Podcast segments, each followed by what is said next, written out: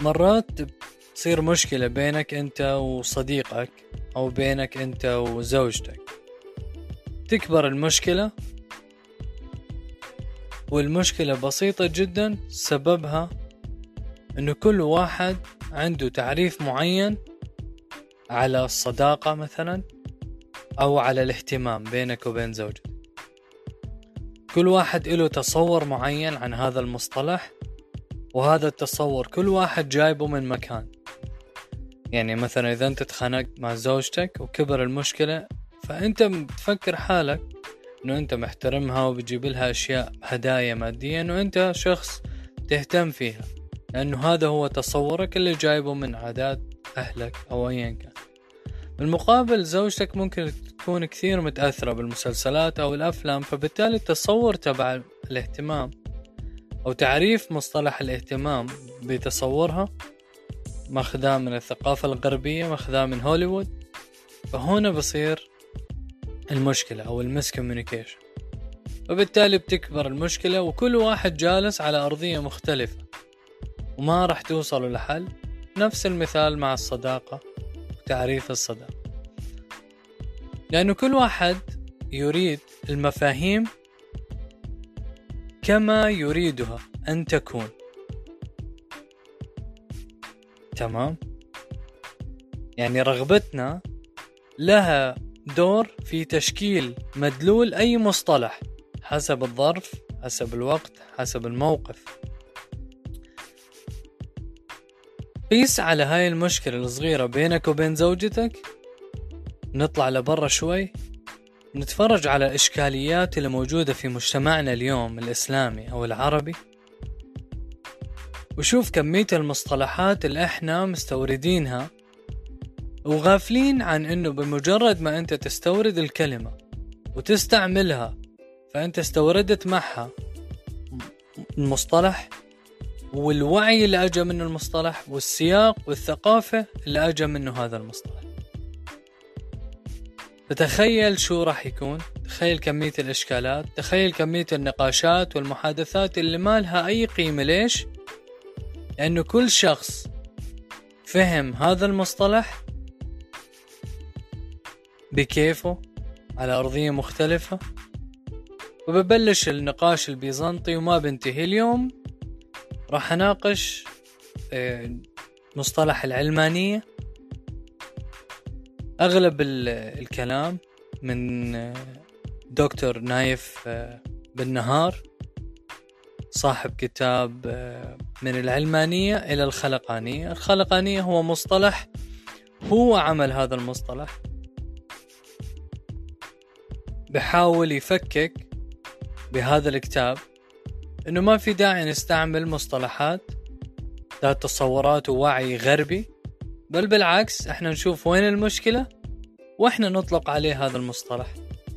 لأهمية ترتيب هاي المصطلحات. خلينا نحكي شوي.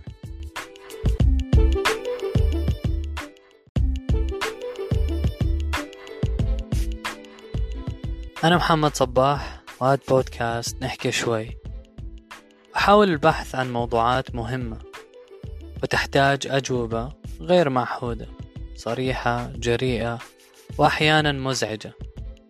كل المعلومات المذكورة بالبودكاست هي نتيجة جهد يحتمل الصواب والخطأ وما بتغنيك أبدا أنه تبحث أكثر.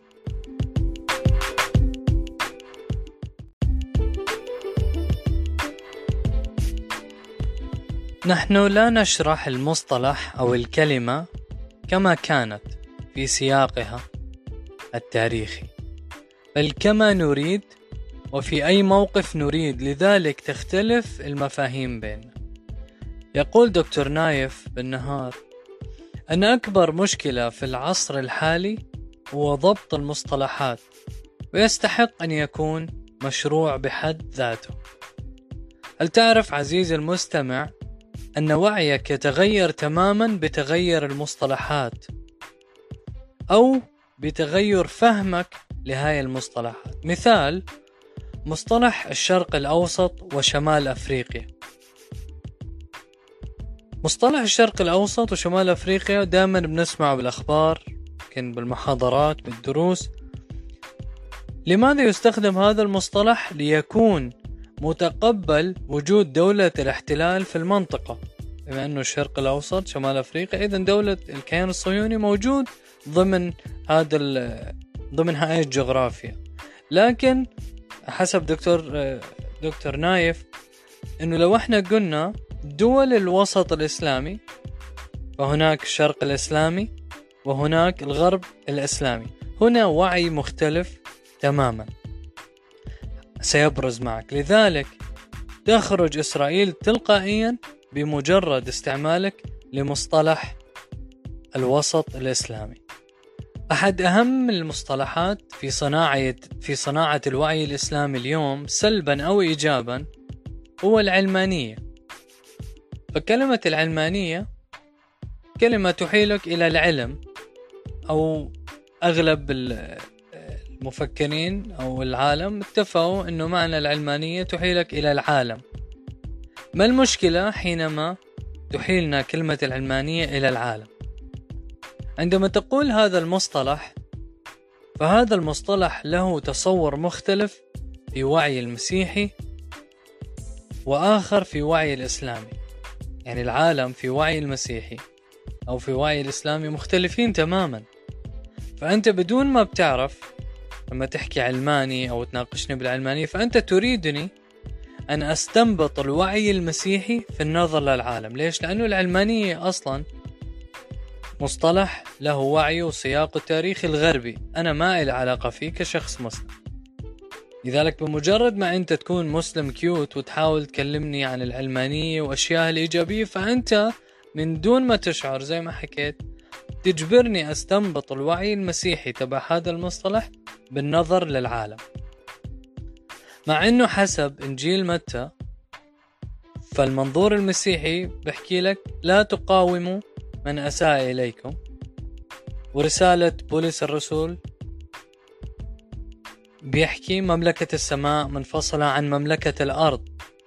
يعني هدول النصين النصين أو أغلب النصوص المسيحية كلها تؤدي إلى انعزال الإنسان عن العالم. فالمؤمن بالمنطق المسيحي هو المنسحب عن العالم. فأنت كيف بدك إياني أنا أستنبط الوعي المسيحي في النظر لهذا العالم حسب كلمة العلمانية بينما في التصور الإسلامي الإسلام يريدك أن تتدافع مع الباطل يريدك أن تخرج للناس تأمر بالمعروف وتنهى عن المنكر. لذلك اليوم العلمان العربي أو المسلم الكيوت مرة تانية اللي بحكي لك كل واحد حر وخلي كل واحد يعمل اللي بده إياه فهو مسلم بنكهة مسيحية.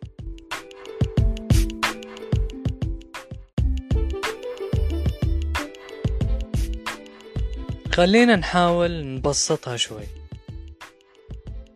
تأتي المصطلحات مع وعيها يعني جاء مع الوعي اللي أنتجته.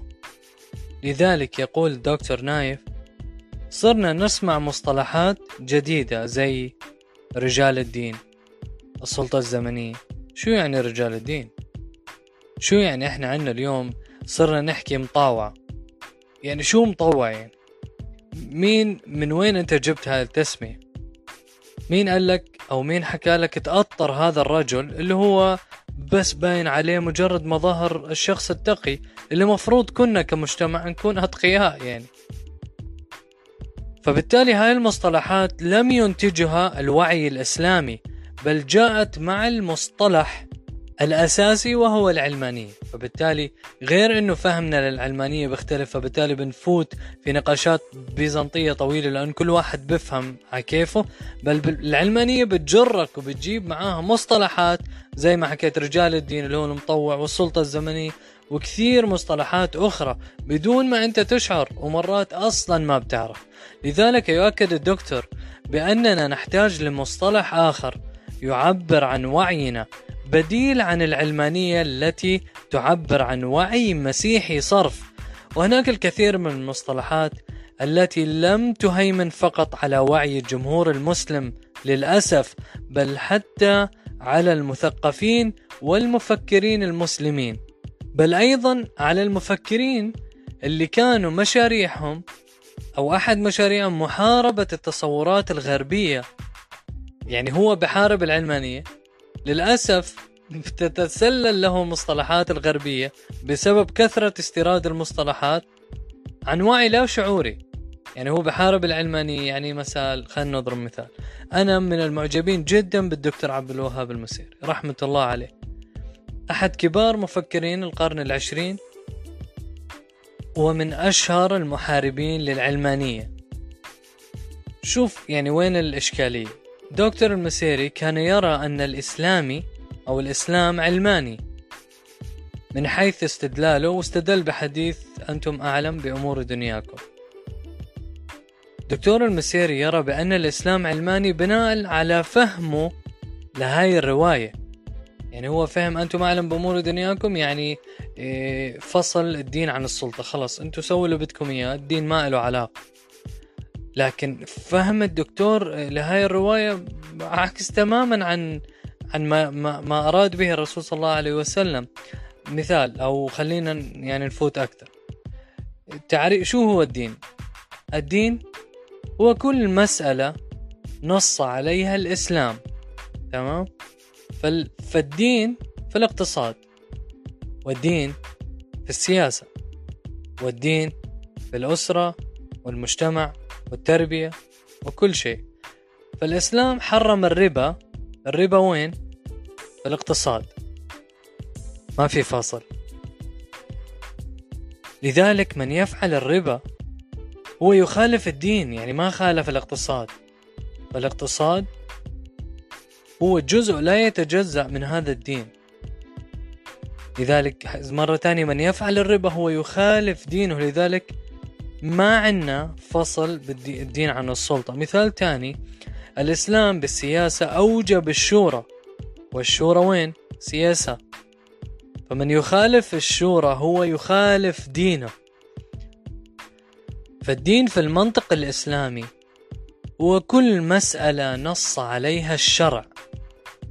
فلما يحكي النبي صلى الله عليه وسلم أنتم أعلم بأمور دنياكم يعني كل مسألة لم ينص عليها الشرع تكون من دنياكم. يعني الحديث أنتم أعلم بأمور دنياكم؟ شو هو الدين؟ في المنطق الإسلامي هو كل مسألة نص عليها الشرع. أي شيء ما نص عليه الشرع أنتم أعلم بأمور الدنيا. فلما أجى الدكتور المسيري رحمة الله عليه وحكى أنه هذا الحديث أو الرواية يدل على فصل الدين عن السلطة فبأي معيار جعل السلطة منفصلة عن الدين للأسف بالمعيار المسيحي لأن السلطة زي ما حكينا فيها أحكام شرعية ومتعلقة فيها. ليش حكيت بالمعيار المسيحي؟ زي ما شرحت قبل كلمة العلمانية بتحيلك إلى العالم والعالم بالنسبة بالمنطق المسيحي هو الانعزال عنه ما لك دخل في أي شيء ثاني.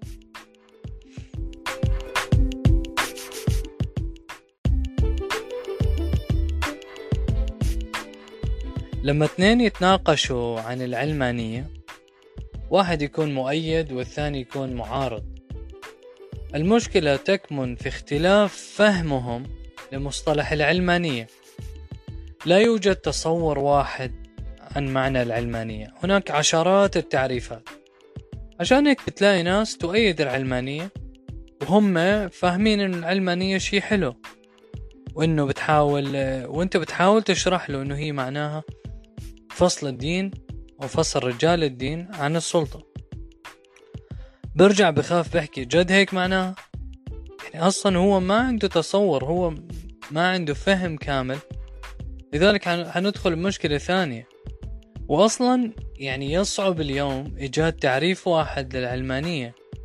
زي ما حكيت هناك عشرات التعريفات. كل له تصوره في فهمها. ليش؟ لأنه زي ما بحكي الدكتور نايف لو أنت بدك تفهم معنى العلمانية مثلا أنت زلمة فهمان مثقف حبيت تفهم معنى العلمانية فأنت مطالب ب دراسة السياق الثقافي الغربي. كيف الثقافة الغربية؟ كيف بلشت؟ وين صرنا؟ تحتاج أن تتابع جدل الدين مع السلطة.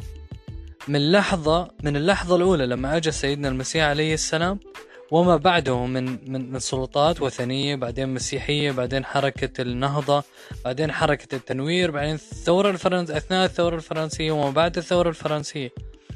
هل أنا كمسلم مطالب أعمل هيك؟ لا مش مطالب.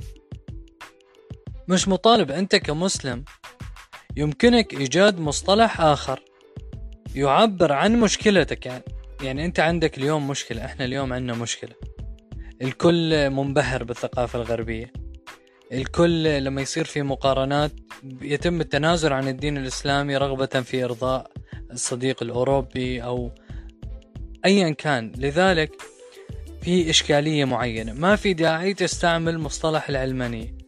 أنت كمسلم يمكنك إيجاد مصطلح آخر يعبر عن مشكلتك مع الثقافة هاي أو مع الحركة هاي أو مع الوعي هذا وبما أنه بنحكي عن العلمانية والخناقات والتدافع بين المسلمين الكيوت والمسلمين الطبيعيين هو إشكالية واحدة. هو هل تريد أن يكون الإسلام مرجعية عليا في التشريع أم لا؟ هذه كل القصة. اليوم كل الإشكاليات كل المشاكل اللي بنشوفها الأشياء المقززة اللي بنشوفها هي مشكلتها واحدة. هل تريد يا أخي أن يكون الإسلام مرجعية عليا في التشريع أم لا؟ فحسب الدكتور هناك فريقين مثلا اللي بحكي لا عن هذا السؤال. إذا هو قرر أن يكون الناس أو الإنسان له كل له المرجعية. المرجعية للخلق إذا فهو خلقاني. الخالق لا يتدخل الخلق هم اللي بتدخل الفريق الثاني وإن شاء الله أننا نحتسب أن إحنا منهم من يرى أن تصوره الاجتماعي أي شيء بنعمل في حياتنا هو امتداد لتصوره الوجودي. أي, يعني بما أني أؤمن بالله بما أني أؤمن بأن الله كلي العلم كلي الإرادة كلي الخير إذا هو يعلم ما هو الخير لي. إذا يجب أن يكون شرعه حاكم لي. فالخلاف واضح هنا. لكن استخدامك للعلمانية ومن وين أجت وسياقها وفهم غلط وأنت فاهم جزء والثاني فاهم أكثر شوي أصلا لا يحيلنا لهاي المشكلة. ما بتحيلنا لهذا السؤال هو أنت بدك الله مرجعية ولا لا؟ بالعكس أصلا ما بوصلوا لهاي الإشكالية. بصيروا بحكوا بشي تاني. شوف الغرب وين تطور وين وصل. أنت وين موديني؟ أنا بكلمك عن العلمانية. عن الإشكالية اليوم عن بعدنا عن الدين اليوم عن انتشار الثقافة الخليعة عن عن عن عن.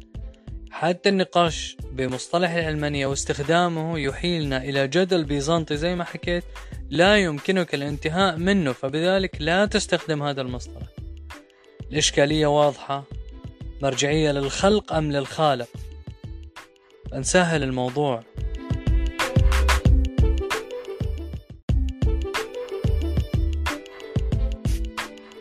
يضيف الدكتور نايف بما أنه إحنا كمسلمين عنا قرآن عنا نظام سياسي إسلامي مستنبط من القرآن عنا نظام اقتصادي مستنبط من القرآن. ليش ليش لا يت... ما بيتم استعمالها؟ ليش ما بيتم الرجوع إلها؟ أكبر مثال ضرب الدكتور أنه قرأ على تويتر شخص كاتب الفكر السياسي الإسلامي يبدأ من خطبة أبي بكر الصديق. فالدكتور بحكي إنه كيف يعني؟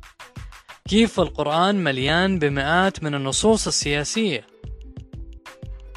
لذلك فنحن تجاوزنا القرآن صار على الرف مهجور مش مصدر لا السياسة ولا الاقتصاد ولا الحياة ولا لتربية الجيل ولا الأطفال.